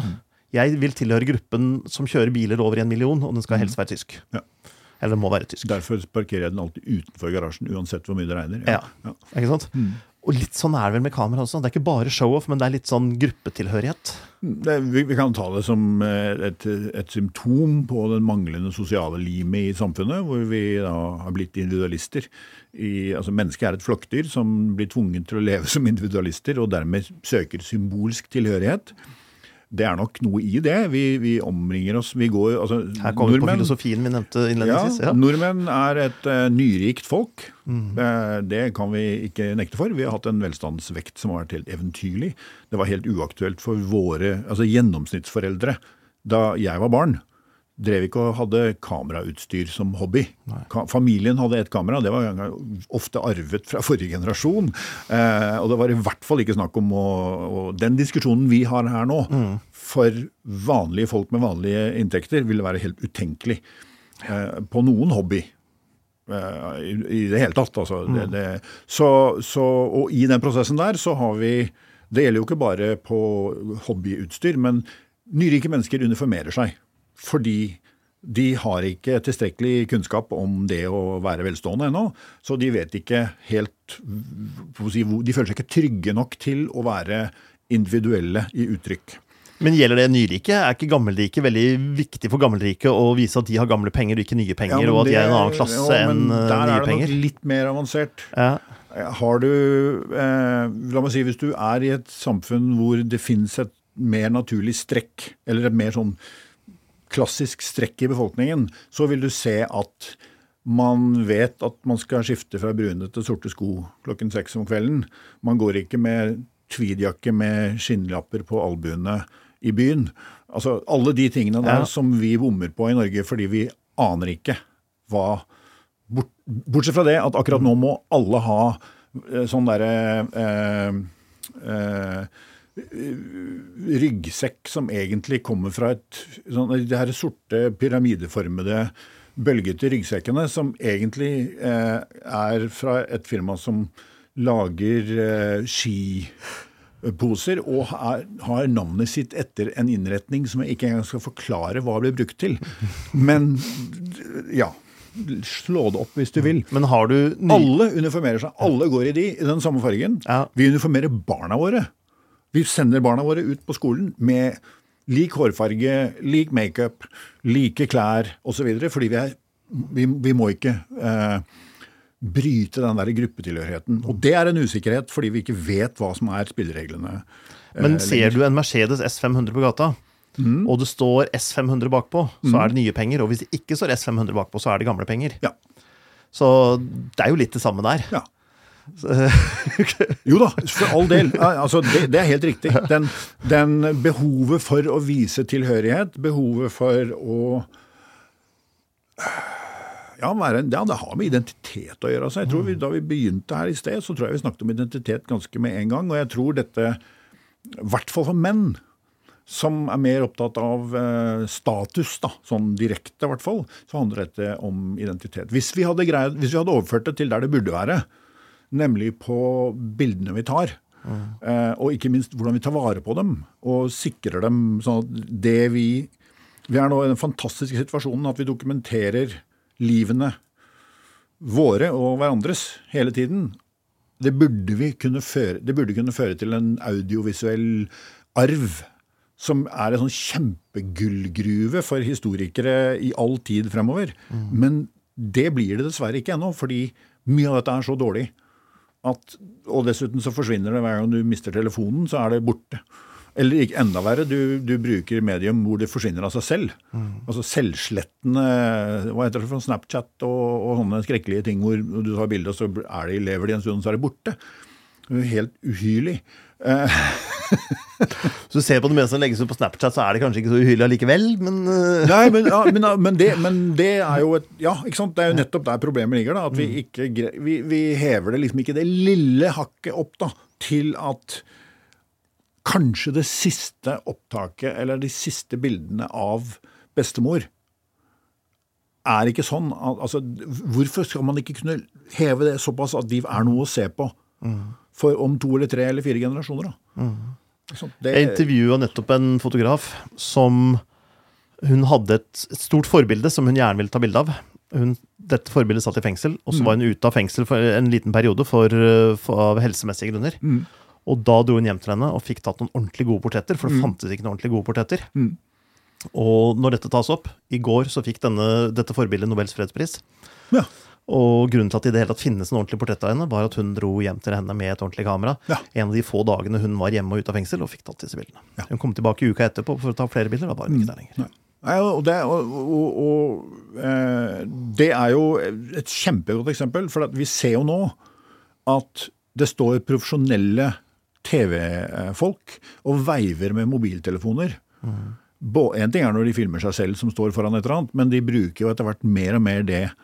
Uh, har, altså, det er ikke lenge siden uh, uh, sjefredaktøren i en tøvete tabloidavis, som også tilfeldigvis er en av de største i Norge, sa at ja, det er ikke så farlig med fotografer lenger, for det er alltid en rørlegger med en mobiltelefon der. Mm.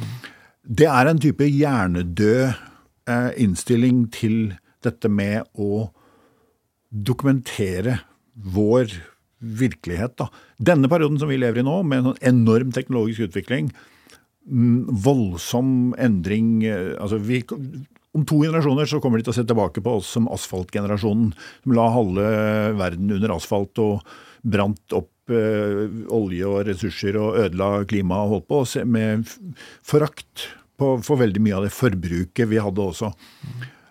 Men det er jo mer nyanser enn det. Hvis vi skal sikre at man vet mer om oss, enn de motorveiene som ingen kjører på lenger om, eh, om noen generasjoner. Mm. Og hva skal vi bygge der nå? Eh, så tenker jeg at det er viktig at så mange som mulig da, fremtidssikrer ja, og kvalitetssikrer det de, det de produserer rundt seg. Nå har du muligheten. Det er ikke vanskelig. Det er bare å gå det lille skrittet ekstra. Vi har mer fritid enn noensinne.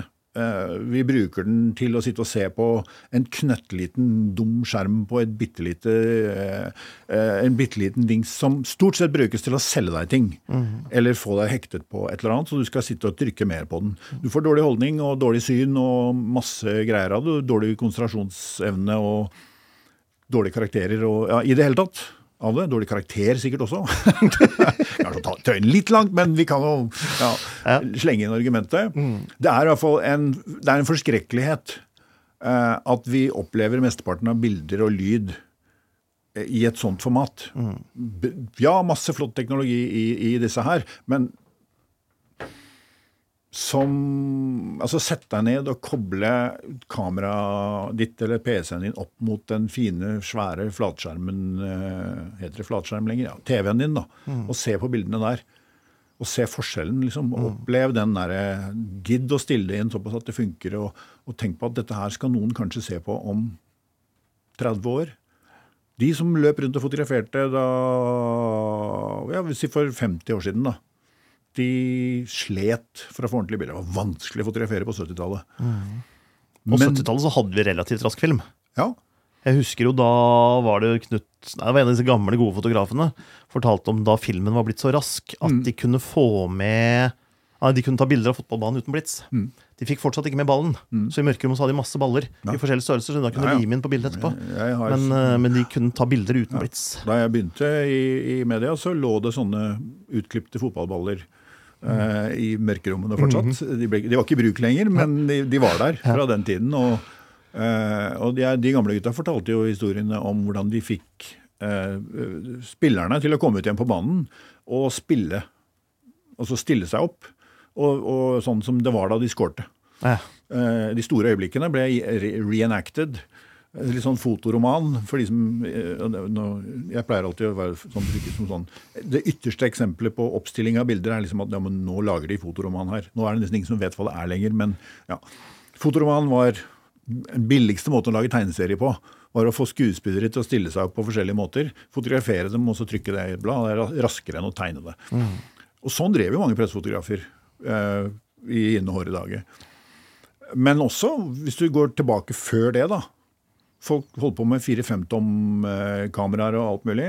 Som gjør at vi har en kvalitet på bilder fra historiske ting som har skjedd fra i 100 år bakover. Som er i mange tilfeller minst like god som den vi nå har. Fordi nesten ingen gidder å bruke eh, litt tid og krefter på å, å sikre de eh, visuelle minnene. da. Sånn. Men er det riktig det du sier der? For nesten ingen prosent av de som tar bilder, gjør det. Mm. Men det er likevel ganske mange som gjør det. Og spør du meg, så er det kanskje flere enn Jo noensinne. Jo, jo, jo. Men i forhold til Ja, det- mengden ja, som tas litt- Nei, de siste årene, de siste årene så er det færre sånne som meg som er ute ja. og fotograferer og jobber på eh, de viktige, store historiske myndighetene, Fordi det er mye mindre penger i media. Og det er mye farligere, fordi vi har blitt mål for eh, grupper som mener at man skal påvirke informasjonsstrømmen, og det kan man gjøre ved å angripe de som produserer informasjon. Mm. Det er ikke lenge siden uh, den ene parten i, i Midtøsten-konflikten nå uh, skjøt på en uh, fotograf som var på andre siden av grensen, i et annet land til og med. Og, og drepte han. han. Uh, og så er det under etterforskning. Vi vet ikke helt uh, hva som skjedde ennå. Men det, sånne ting var ganske sjeldne før. Altså, det var veldig, det, det, og dette med kidnappinger og henrettelser og alle disse greiene, det har blitt en sånn epidemi nesten. Så til, summen er at profesjonaliteten på de som dekker store, farlige, vanskelige osv. ting, den er lavere fordi det er dårligere betalt å være fotograf i dag. Jeg ser jo det på altså, ettersalget av bilder jeg har liggende rundt omkring i byråer i verden. Prisene har gått ned i, enormt i forhold til det var uh, for 20-30 år siden. Så jeg kunne ikke ha finansiert å bare dra til Ukraina i eh, et halvt år eh, uten å måtte ringe ganske mange for å få til det. Mens for 30 år siden så hadde jeg bare dratt. Og så hadde noen tatt de bildene, eh, hadde kjøpt de bildene, og noen hadde sendt noen penger med en eller annen, og det hadde liksom funket. da. Så det var eh, Det finnes fortsatt kjempeflinke folk som tar veldig bra bilder, men det er færre. Og det er mye, mye større Hvis du ser på det som kommer ut av Gaza, f.eks. Mm. Det er massevis av sånne der halvtvilsomme ting som ikke er verifiserte. Det er ingen tvil om at noen av oss hadde vært der inne. Hvis dette hadde vært Nei, det er eh, riktig. før. I i konfliktområdet så, så ser jeg absolutt den, men vi selger jo mer film enn det vi har gjort siden 2000 omtrent. Mm. Og folk kommer inn med analoge mellomformatkameraer og elsker å, Mm. rigge seg til å ta ett bilde, og så gå videre og ta ett bilde til. Mm. Og det så vi ikke for ti år siden. Det er veldig positivt. Og hele den eh, utviklingen som skjer nå på altså, Fotografi og kamera har jo blitt erklært dødt like mange ganger som ja, Jeg vet ikke hva som eh, altså, det, det er jo som radioen, kan du si. Altså, det, det, det, det er jo helt utrolig at det fortsatt kommer ut helt fantastiske eh, kameraer som gjør revolusjonerende ting i forhold til den forrige generasjonen gjorde osv. Og det skyldes jo at det er et marked. Sant? Det er jo, eh, nå arresterer jeg deg litt på det du sa i sted, om at eh, det, det spiller ingen rolle sånn eh, hva skal vi si, for noe eh, bærekraftmessig hvem, hvilke produsenter man kjøper. Eh, det gjør det er akkurat sånn i fotoverdenen som alle andre steder, at det er forskjell på de som lager utstyret. Og det kan være verdt å kikke litt på hvem som er verstinger, og hvem som er bra på bærekraft av disse produsentene. Altså, for det er faktisk ganske store forskjeller på det der. Eh, noen er ganske kyniske. Andre eh, prøver i hvert fall. Eh, og Det kan ha med hvor man produserer ting og osv. Så sånn. så bare som en sånn fotnote for de som er opptatt av etikk og moral. Eh, jeg er det. Det er en av grunnene til at jeg velger det produsentene og det merket jeg velger, er litt på, som går det på dette med bærekraft og, og ja, det etiske i, i ting. Så, så det er også en, en bit av det, da. eh, I dette her. Så. Men bare det at det, i det hele tatt noen er villig til å uh, skal vi si da, lage ting som blir mer kostbare, flytte produksjonen fra steder hvor det er uetisk å produsere, vel vitende om at det blir mye dyrere å produsere det et annet sted. legge til kvalitet som på driftssikkerhet, f.eks., som de aller fleste aldri vil klare å slite ut, men som skal være der likevel, også på amatørutstyr. At det fortsatt blir bedre på den måten her, det tyder jo på at det er et marked der. Og at de kjempe, altså disse industrigigantene som lager disse tingene, har tro på at det skal være mulig å, å fortsette å motivere folk til å kjøpe kamerautstyr. Eh, Og det er veldig bra. Folk spør meg om disse tingene hele tiden. Og veldig ofte så har de ikke tenkt ordentlig gjennom Nei. hvorfor de har det utstyret de har, og hva de kanskje burde hatt isteden. For det er kanskje egentlig grunnlinja her. Ja. Hva er behovene dine? Ja. Ikke hva, hvilket merke står det på det, eller hva er du vant Ja. til, eller hva har noen du ser opp Ja, til. og ikke gjett deg til det ut fra spesifikasjoner. Nei. Enten hør med noen som kjenner deg, som vet litt om det, Mm. eller ta bryderiet med å gå noen runder i en ordentlig kameraforretning, sånn som her.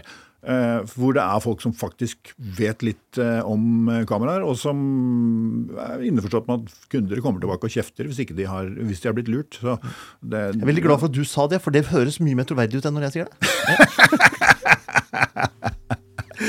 Jeg tror vi setter strek der, Morten. Tusen hjertelig takk for meg. Tusen takk for at du kom. Tusen takk til alle som hørte på, alle som så på, og vi er tilbake om en uke.